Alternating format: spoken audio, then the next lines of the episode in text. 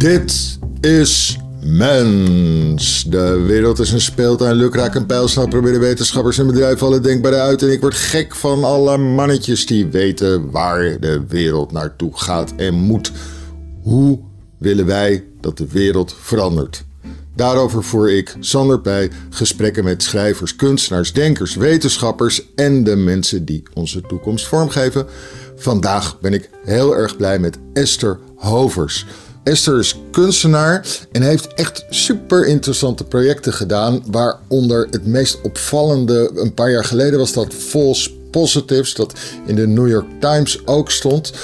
Esther Hovers, ben je er? Ja. Wat fijn, dankjewel dat je met ons wilt praten. Ik bedacht, waar gaan we in hemelsnaam beginnen? Je hebt, doet op dit moment heel erg interessante projecten. Je hebt een algemene houding tegenover techniek. En we hebben dat prachtige project dat ik zag, False Positives. Zullen we daar gewoon eens eventjes mee beginnen? False Positives? Waar, ja, dat is goed. Ja? Ik vond het zo mooi. Nou, kun je het zelf beschrijven? Dat is beter. Nou, het is ook wel een goed punt om te beginnen, want het was ook een beetje het punt waar ik begon met dit project, met mijn afstuderen, alweer zes jaar geleden. En afstuderen van wat? Van waar? Fotografie in Den Haag. In Den Haag? Op de Kunstacademie. En ehm, ja, ik studeerde documentaire fotografie en maakte eigenlijk al bijna alleen maar werk over de publieke ruimte. Ja, ik ben heel erg geïnteresseerd in de stad eigenlijk en hoe we de stad kunnen fotograferen. En dat leidde mij ertoe dat ik een project ging maken over kunstmatig intelligente camera's. En hoe die eigenlijk kijken naar bewegingspatronen. En het is een project waar, waarbij ik uh, mensen heb geïnterviewd die werken aan zulke soort systemen. En daarbij heb ik eigenlijk heel erg gekeken naar ja, hoe ik dat in beeld kon brengen. Ja, ja. ja, als je het hebt over een soort van afwijkende houdingen en afwijkend gedrag, wat is dat dan? Dus daar heb ik eigenlijk uit die interviews kwamen een soort van acht meest belangrijke anomalieën naar voren. Dus anomalieën in houding uh, en gedrag die zouden kunnen wijzen op iets dat voorafgaat aan crimineel gedrag. Uh, dat is natuurlijk nogal vaag, maar daar had ik wel iets te pakken waarbij ik dacht, ja, dat kan ik laten zien. Uh, dus toen ben ik uit een soort van vogelperspectief allemaal straatscènes gaan fotograferen waarin je die afwijkingen zou kunnen zien of niet. Ja, en dat heeft echt waanzinnig eh, interessante foto's opgeleverd. Om, echt wel om twee redenen. Wat, de eerste reden wat ik, die ik ook had is, ze zijn zo mooi. Dus het is hm. ook, het is dus een heel interessant inhoudelijk kunstproject dat iets. Maar ik had ook een, een, een, esthetische ervaring met het kijken naar de foto's. Dat vond ik ook heel bijzonder. Um, maar verder, je ziet dus gewoon een straatscène, bijvoorbeeld ergens een trap buiten, waarvan je denkt van nou, dat is in de buurt van een, uh, van een station of zoiets. En dan mhm. zie je absoluut niet zeker wat er raar is. Maar er is wel iets raars. Ja. Ja, ik heb de foto's allemaal in Brussel gemaakt. En het zijn allemaal een soort van gelaagde foto's, omdat ik vanaf, ja, met een vast kader heb gewerkt. Dus vanaf statief eigenlijk gedurende een uur ongeveer steeds één plek fotografeerde. En, en daar dus mensen fotografeerde die daar op dat moment waren. Ja. Maar dat gaf me ook de mogelijkheid om zelf, zeg maar, het beeld in te lopen en met mensen te gaan praten. Um, ik vond het belangrijk dat zij wisten dat ik hem fotografeerde, omdat het een soort van kritiek is op surveillance. Ja. Maar die foto's van al die mensen ben ik over elkaar heen gaan leggen, waardoor je dus allemaal mensen ziet die daar waren, maar niet per se op hetzelfde moment. Ah. En daardoor ziet het er misschien een beetje, ja, net een beetje gek uit. Ja, en er is dus altijd iemand of meer die iets doen dat opvallend is of dat zo'n anomalie betreft. Ja, hoewel ik dat juist heel erg in het midden wil laten. Tuurlijk heb ik met opzet geprobeerd om die anomalie in dat beeld te krijgen. Maar als jij me bijvoorbeeld zou vragen, laat zien in deze foto, vertel me wat is hier de anomalie? Nee, dat, dat ga ik niet doen. Het gaat me juist eh, veel meer om dat grijze gebied. Omdat ik ja, veel meer wilde kijken van hoe breng je die vraag in beeld van wat is dan afwijkend? Wat is normaal? En wie bepaalt dat? Precies. Nou ja, dat is heel simpel volgens die uh, types die je hebt geïnterviewd. De, wat is normaal is wat volgens de data geen uh, bedreigend gevolg heeft. En wat mm -hmm. en abnormaal is wat de data zeggen. Ja, dus er zit een hele menselijke hand in eigenlijk. Ja. Omdat wij toch kiezen welke data dat is. Ja. Maar kiezen wij dat? Of is het gewoon dat alle keren dat er iets ergs is gebeurd ergens, vervolgens de, de, de, wordt bekeken naar alles wat er van tevoren getoond werd? Of... Ja. ja, dat vind ik ook heel interessant. Omdat je dan dus eigenlijk soort van kijkt naar wat er al gebeurd is als voorspeller van wat er gaat gebeuren. En we daardoor ook systemen hebben die context niet goed kunnen herkennen. Als je een marktplein fotografeert, dat, of juist eigenlijk een plein, ja. dat normaal heel rustig is. En opeens is er een soort van festival, wat nu een beetje lastig zou zijn. Maar ja, dan, dan gaan er natuurlijk allemaal alarmbellen rinkelen. Ja, ja, ja, ja, ja. Ben jij nou zelf ook anders gaan kijken als je in de openbare ruimte was en je wist dat er een, een camera op je gericht kon zijn? Um, nou, wel als fotograaf. Um, want toen ik het project maakte, toen viel me juist heel erg op dat je als fotograaf best wel snel verdacht bent. Oh. Of als kunstenaar, omdat ik dus heel lang op één plek bleef om iets te maken. En dat eigenlijk ook weer een anomalie is waar ik naar op zoek was. Dus ik had soms ook dat als ik voor een, volgens mij een van de beelden die ik heb gemaakt, dat is voor een grote bank. Uh, en op een gegeven moment kwam daar wel iemand naar buiten om te vragen wat ik daar eigenlijk aan het doen was.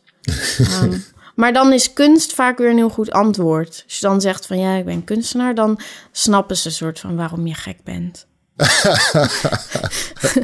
een kunstenaar mag een beetje buiten de dagelijkse ja. gang van zaken staan. Ja, dan mag het. Oké, wat Heb je er wel eens, uh, of heb je, wat, had je er mooie reacties op, op deze fotoreeks, of dit project?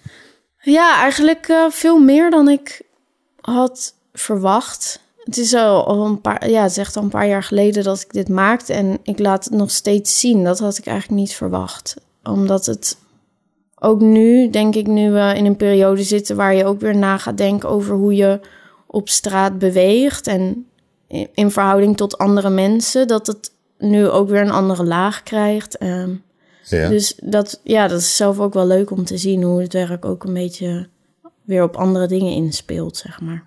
En wat krijg je uit de, de, manier waarop erop gereageerd wordt en waarop mensen erover schrijven of, mensen ook tegen jou iets zeggen? Wat, wat valt je daarin op? Nou, ik heb het project heel erg gemaakt vanuit een eigen nieuwsgierigheid. En ik hoop dat het project. Ik zie mezelf, mijn eigen taak niet per se om mensen te leren hoe kunstmatige intelligentie werkt. Maar als het deels een soort van een beeld kan geven aan iets dat heel erg abstract is, ja. dan ja, dat vind ik wel heel tof. En uit reacties merk ik wel dat dat, dat, ja, dat, dat wel gelukt is met dit project. Oké. Hey, nu ben je bezig met uh, een aantal andere dingen die er allemaal een beetje te, mee te maken hebben, met waar we het nu over hadden. Waar je, uh, op, ik zag dat je nu op twee dingen eigenlijk bezig, mee bezig was. Eén project dat noem je Windows 2020, een ander noem je Audio Derives, or, of zeg ik dat verkeerd? Derives.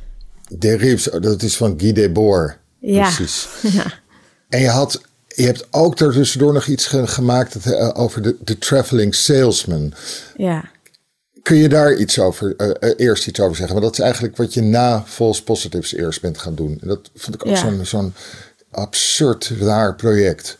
Ik bedoel, dit is een, dit is een, een positieve kwalificatie. Dankjewel. Uh, ja, Traveling Salesman is een uh, project ook over de publieke ruimte en hoe we daar doorheen bewegen. Ja, En ik heb het gemaakt tijdens twee residencies of twee verblijven in uh, New York. En ik wilde iets doen ook weer met, met straatfotografie. En vooral met het grid in New York vond ik heel interessant. En toen ben ik eigenlijk gaan kijken naar het traveling salesman probleem. Is eigenlijk het handelsreizigersprobleem. Is, gaat over een hele simpele vraag. Als je naar een x aantal plekken wil of steden wil als handelsreiziger en je wil beginnen en eindigen op dezelfde plek, wat is dan de snelste route? ja. maar dit, dit lijkt een hele makkelijke vraag, maar dit is schijnbaar in de wiskunde echt ontzettend moeilijk om op te lossen. En het is, je, je kan het niet, je kan geen 100% optimale uh, oplossing hiervoor bedenken. Weet je waarom niet? Ik dacht dat algoritmen tegenwoordig ongeveer alles konden. Ja, als je het aantal plekken zo ver doorvoert, dan krijg je zoveel oplossingen dat, het, ja, dat je daar eigenlijk geen, uh, geen algemeen antwoord op kan geven. Oké. Dat vond ik interessant. Hoewel het mij natuurlijk, ik, ik ben heel slecht in wiskunde. Het gaat me ook helemaal niet over uh, het oplossen van deze vraag. Maar ik vond het mooi om dit te gebruiken als eigenlijk om, om door die stad te gaan lopen en van punt naar punt te lopen en te kijken wat daar gebeurt. En dat te fotograferen, want dat is eigenlijk waar straatfotografie over gaat. Dus je kan een soort van van tevoren bedenken, ik ga deze route lopen, maar een stad is iets dat altijd verandert, waar je geen grip op hebt. Ja, dat is waar dit project over gaat. Je had bedacht, wat zou de beste route volgens de, de kaart kunnen zijn als de traveling salesman een, een bepaald aantal punten moet bezoeken. Toen ging je op stap en toen liet je jezelf afdwalen. Ja, van punt naar punt. Oké. En toen ben ik met een acteur naar al die punten gaan lopen en dat heb ik gefotografeerd. Oké. En dat zijn weer echt geweldige foto's. Ik vind het zo grappig dat het zo dat, het zo, dat ik ze ook zo. Uh, ik vind ze ook zo mooi. en het klinkt, als je erover vertelt, klinkt het als zo'n zo'n zo'n cool uh, project. Terwijl er een soort, iets, ja, een soort hele rare, vervreemdende esthetiek in zit. Die je hmm. heel moeilijk kan beschrijven trouwens. Hoor je dat vaker, dat mensen het ook gewoon mooi vinden? Ja, ik, ik omarm dat ook steeds meer. Ik denk toen ik op de kunstacademie studeerde, dan is mooi echt een beetje, of esthetiek is echt een beetje een vies woord. Omdat het natuurlijk de hele tijd gaat van, maar waarom doe je dit en waarom zo en waarom met dit licht? En, maar ik vind het eigenlijk wel heel belangrijk dat dingen ook mooi zijn. Vind ik wel niet de enige kwaliteit van kunst, maar wel een hele belangrijke voor mij. Leid ik af uit wat jij zegt dat dat mooie niet hoeft te komen uit de beredenering van waarom je een bepaald project doet, maar dat het ook met andere moeilijker benoembare dingen te maken kan hebben? Nou, wat ik mezelf echt een beetje als doel stel is wel, ja, zoals ik al zei, ik bedoel, ik, ik lees me in op zulke soort onderwerpen, maar ik ben bij lange na geen, geen expert of zo mijn benadering gaat veel meer over hoe kan ik zo'n techniek in beeld brengen ja. op een poëtische manier. Dus op een manier waarop we juist als leek, waarop je hopelijk een klein beetje houvast kan krijgen op hoe je je tot dit soort onderwerpen kan verhouden. Ook wat je, wat je zelf in je intro vraagt, weet je, hoe, wat, waar willen we naartoe? Mhm. En ja, ik hoop dat mijn projecten daar een beetje in kunnen helpen. Klein beetje. Ik ben nu heel erg heel geroerd doordat er een soort, een soort verband wordt gelegd tussen het menselijke tegenover de techniek. En dat daar ook de plek is waar schoonheid zijn intrede doet. Prachtig, mm prachtig. Dankjewel. Daarna ben je gaan doen uh, die, die audio derives, van, uh, geïnspireerd door Guy Debord. Dat is eigenlijk dus een soort, soort, soort verlengstuk van de traveling salesman. Ja, ja. Mhm. Ja, dit is ja, heel anders, want ik ben natuurlijk fotograaf. Maar dit uh, Audio Derives is een, is een audioproject. Aha. Ja, eigenlijk via een soort van... Ja, per toeval kreeg ik de vraag om werk te maken voor een expositie over wandelen. Een groepsexpositie in het Amstelpark bij to Source in Amsterdam. En dat begon eigenlijk met de vraag om een performance te maken. En toen dacht ik, ja, ik bedoel, als iemand je vraagt om een project te maken, is het altijd de moeite waard om daarover na te denken. Maar ik dacht wel, ja, ik ben, ik ben echt geen performer. toen dacht ik, oké, wat voor vorm zou dat wel aan kunnen nemen die voor mij toch logisch is? En dat begint wel bij het vertellen van een verhaal. Iets dat je ook in audio kan. Uh, dus dit is een project waarbij je als bezoeker eigenlijk een wandelaar bent en je krijgt een koptelefoon uh, met een stem loop je dan een bepaalde, een vaste route. Waarbij je naar die omgeving kijkt en, en hopelijk aangezet wordt om anders naar die omgeving te kijken. Ah. waarom is wandelen zo, uh, al, al voordat er een uh, quarantaine en lockdown was, waarom is wandelen opeens zo populair of hip? Of wordt er zoveel, nou laat ik het zo zeggen, wordt er zoveel over geschreven sinds, sinds een mm -hmm. jaar of twee, drie? Hmm. Weet je dat? Al voor, los van de lockdown. Ja. Dat ja. Rebecca Solnit met, met essays over wandelen. En dat kwam overal kwam dat terug. Hmm.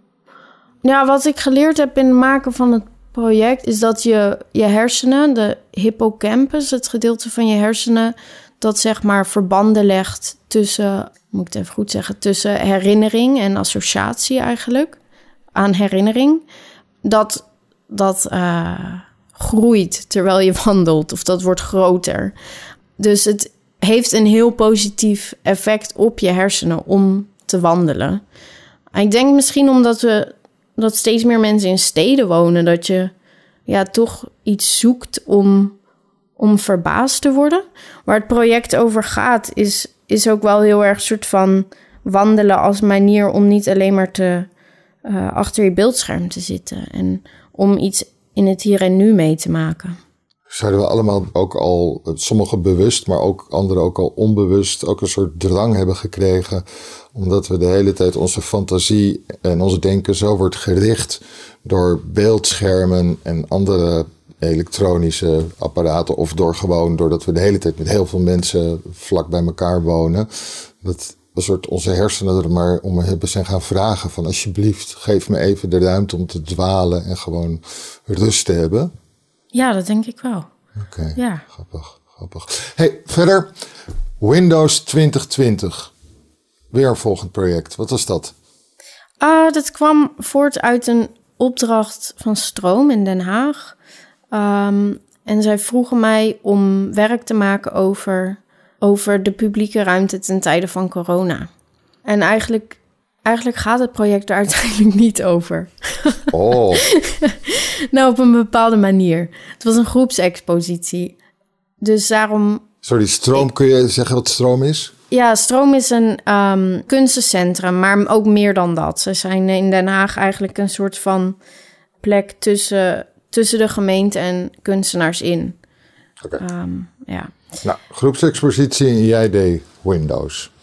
Ja, en ik heb collages gemaakt waarin ik gebruik heb gemaakt van het gemeentearchief. Of de collectie van het beeld uh, gemeentearchief. En allemaal mensen uh, in Den Haag tussen nu en 150 jaar geleden. In collages naast mensen nu ben gaan zetten. Omdat ik, ik dacht, ja, als je, als je na gaat denken over.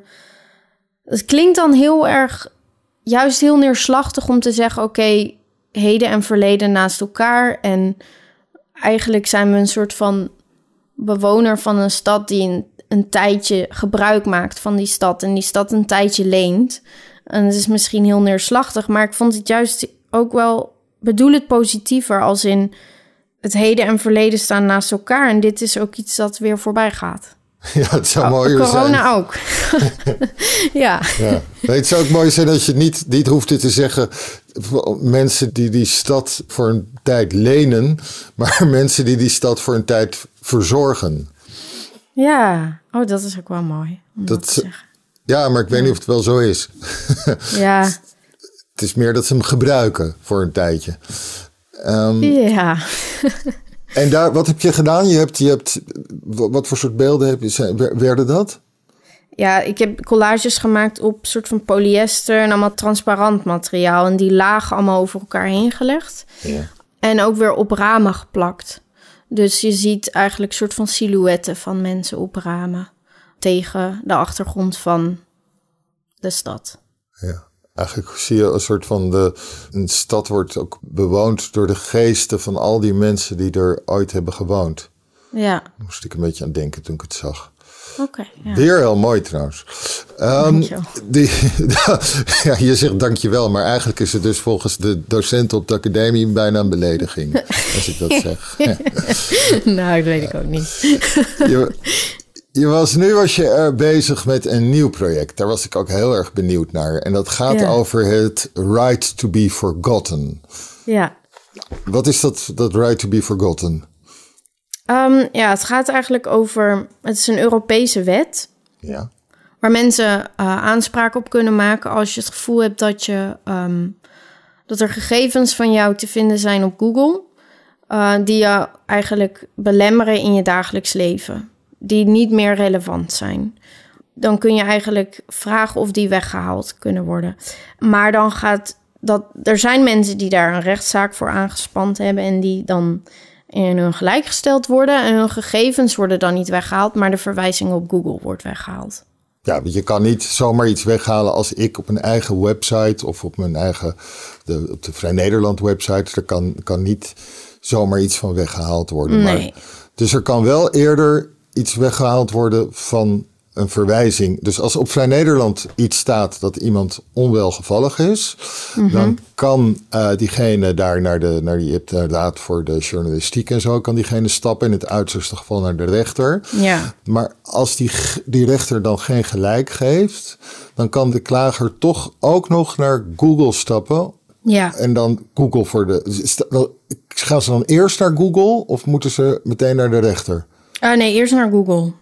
Eerst naar Google. En Google kan dan zelf beslissen, we halen dat weg.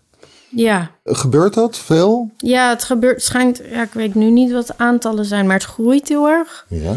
Ehm, volgens mij was het eerste geval, nou nog niet eens heel lang geleden. Het eerste geval was een Spaanse man die wiens bedrijf failliet was gegaan. Ik denk nou zo'n 25 jaar geleden. Ja. En eh, hij had, eh, weet je, dat, dat lag voor hem echt in het verleden. Het ging nu allemaal helemaal goed, ook zakelijk gezien. Uh, maar als mensen hem googelden, dan zagen ze nog steeds van alles over zijn faillissement. ja. Dat was eigenlijk de eerste zaak die hierover ging. Ja, dat klinkt natuurlijk eigenlijk allemaal heel theoretisch en heel zakelijk. Zo beginnen eigenlijk bijna al mijn projecten.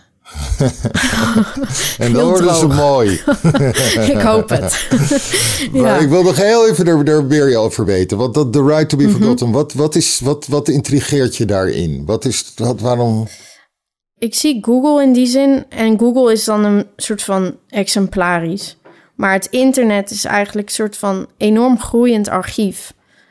Dat niets vergeet. Ja. En voor mij gaat het niet over een specifiek voorbeeld als zo iemand in zijn faillissement. Maar het gaat veel meer over de vraag hoe we met zo'n archief om willen gaan. ja. Een, ja, een soort van analoog archief wordt gecureerd. Of er is, er is iemand die daar naar kijkt van ja, weet je, je zet dat op een bepaalde manier in context. Met het internet doen we dat eigenlijk niet. En ik vind het interessant dat ik denk, waren allemaal op zoek naar een soort van 15 minutes of fame. En nu gaan we naar een tijd waarin we juist vergeten willen worden. Ja. Je kan je ook, ja, ja, ja. Je kan je het dus ook nog voorstellen dat, dat het heel goed is om een aantal dingen nooit meer te vergeten. Ja, dat is ook zo. Dus ik geloof dat ook heel vaak dat die, die wet of, die, of die, die regeling van Google ook heel veel wordt misbruikt. Hmm. Ja, dat vind ik juist interessant. Ja, Want dingen zijn niet zo zwart-wit, inderdaad. precies. Dus die twee kanten, die zijn... ah, daarom is een soort van de vraag tussen waar... Wie bepaalt wat dan weggehaald mag worden en wat niet? Ja. En wat is dan het, ja, het algemeen belang? Tot bepaalde informatie moet daar belangrijker in zijn dan individueel belang. Maar wie bepaalt dan, Ja. zeg maar, welke kant de schaal op, eh, ophangt? ja. Wat ga je ermee doen? Ik ga een serie portretten maken. Maar verder kan ik er nog niet heel veel over zeggen. Strategisch niet of, of ook omdat je artistiek nog erin zit heel erg? Ja, is allebei. Oké. En ehm, let je zelf door dit soort projecten meer op in je digitale gebruik? Ja, Ja? Ja, ik denk. ehm, ik heb eh, steeds meer sinds ik naar Amerika ben geweest, een paar keer. En als je daar dan door de douane heen gaat en ze allemaal vragen aan je gaan stellen, dan ga je opeens veel meer nadenken over wat je eigenlijk allemaal verzamelt aan digitale footprint, zeg maar. Ja, ja, ja, ja. En weet je nog dat je zelf voor het eerst een, ehm, een, een smartphone kreeg? Ja. Hoe oud was je ongeveer? Ja, 19, zoiets. Zoiets. Ja.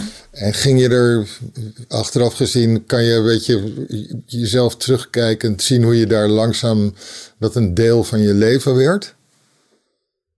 Ja. Ja? Ja, en ook dat ik niet nadacht over. wel, net zoals iedereen die, die terms en conditions en zo, dat, ja, dat accepteer je gelijk. Ja. Ja. En eh, wat ging je het meeste gebruiken? Op je, op je smartphone? Ah, ja, social media. Social Facebook, Facebook. Instagram. En nu? Nou, ik heb geen Gmail meer. Dat was ook wel een stap. ja, nu denk ik er wel anders over na. Ja. En vooral eigenlijk heel erg. Ik heb ook een project gehad waar we het niet over gehad hebben, maar dat heel erg gaat over de bewegingsvrijheid van de Schengenzone. Nou, nu natuurlijk niet zo. Maar het feit dat we, misschien haal ik er nu iets veel te groots bij, maar Kom erop, kom erop. we hebben de vrijheid om naar zoveel landen toe te gaan. En de meeste mensen hebben een paspoort dat dat veel moeilijker maakt. En dan moet je ook nog eens heel goed nagaan denken over wat er digitaal over jou te vinden is, dat jou zou kunnen belemmeren in dat vrije bewegen. Ja. Maar ik heb een tweelingzus en zij is met een Egyptische man getrouwd. Ja. En als ik zie hoe moeilijk het is voor mensen zonder Europees paspoort om te reizen, ja, dat is misschien niet een heel logisch verband om te denken over je, je digitale footprint en dan dat te koppelen aan reizen. Maar voor mij liggen die heel dicht bij elkaar. Ja. Maar dat, het wer- werkt ook steeds meer zo, hè? Dat, dat bij, bij douanes en zeker eh, bij eh vreemdelingendienst en alles, bij die, je zou ook gewoon gaan kijken van, eh, nou, heb je een Facebookpagina? Hoe ziet die eruit? Ja, zeker, ja. Dat project, Ja. wat, wat, wat was dat? Hoe ging dat? Ehm, ja, dat is een project.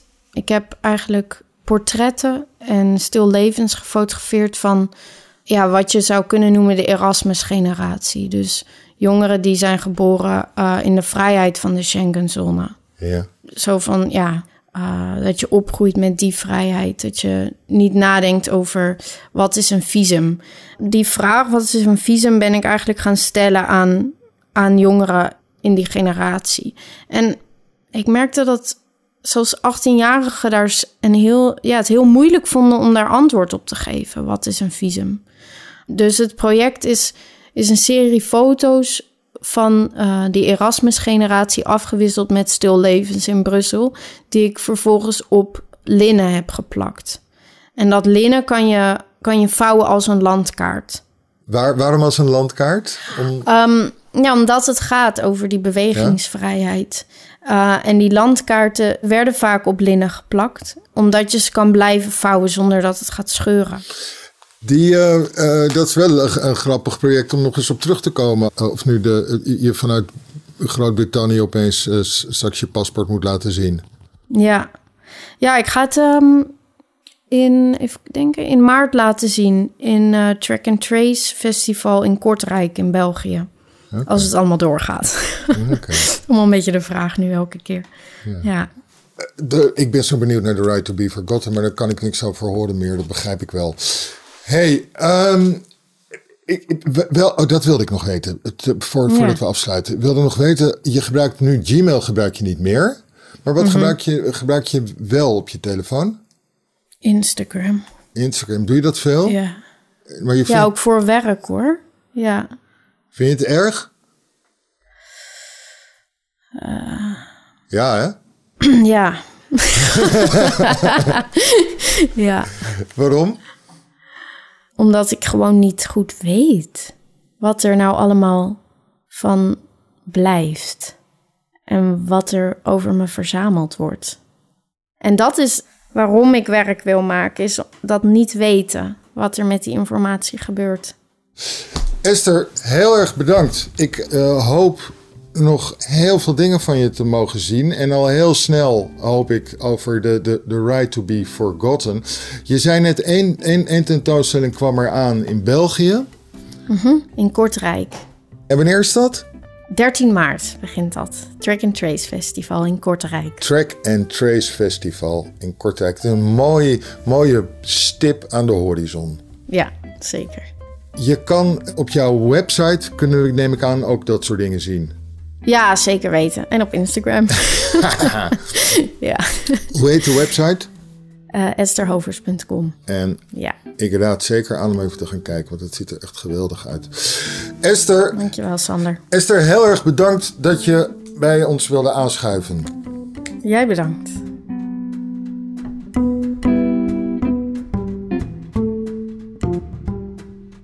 Dit was Mens met in deze aflevering Esther Hovers.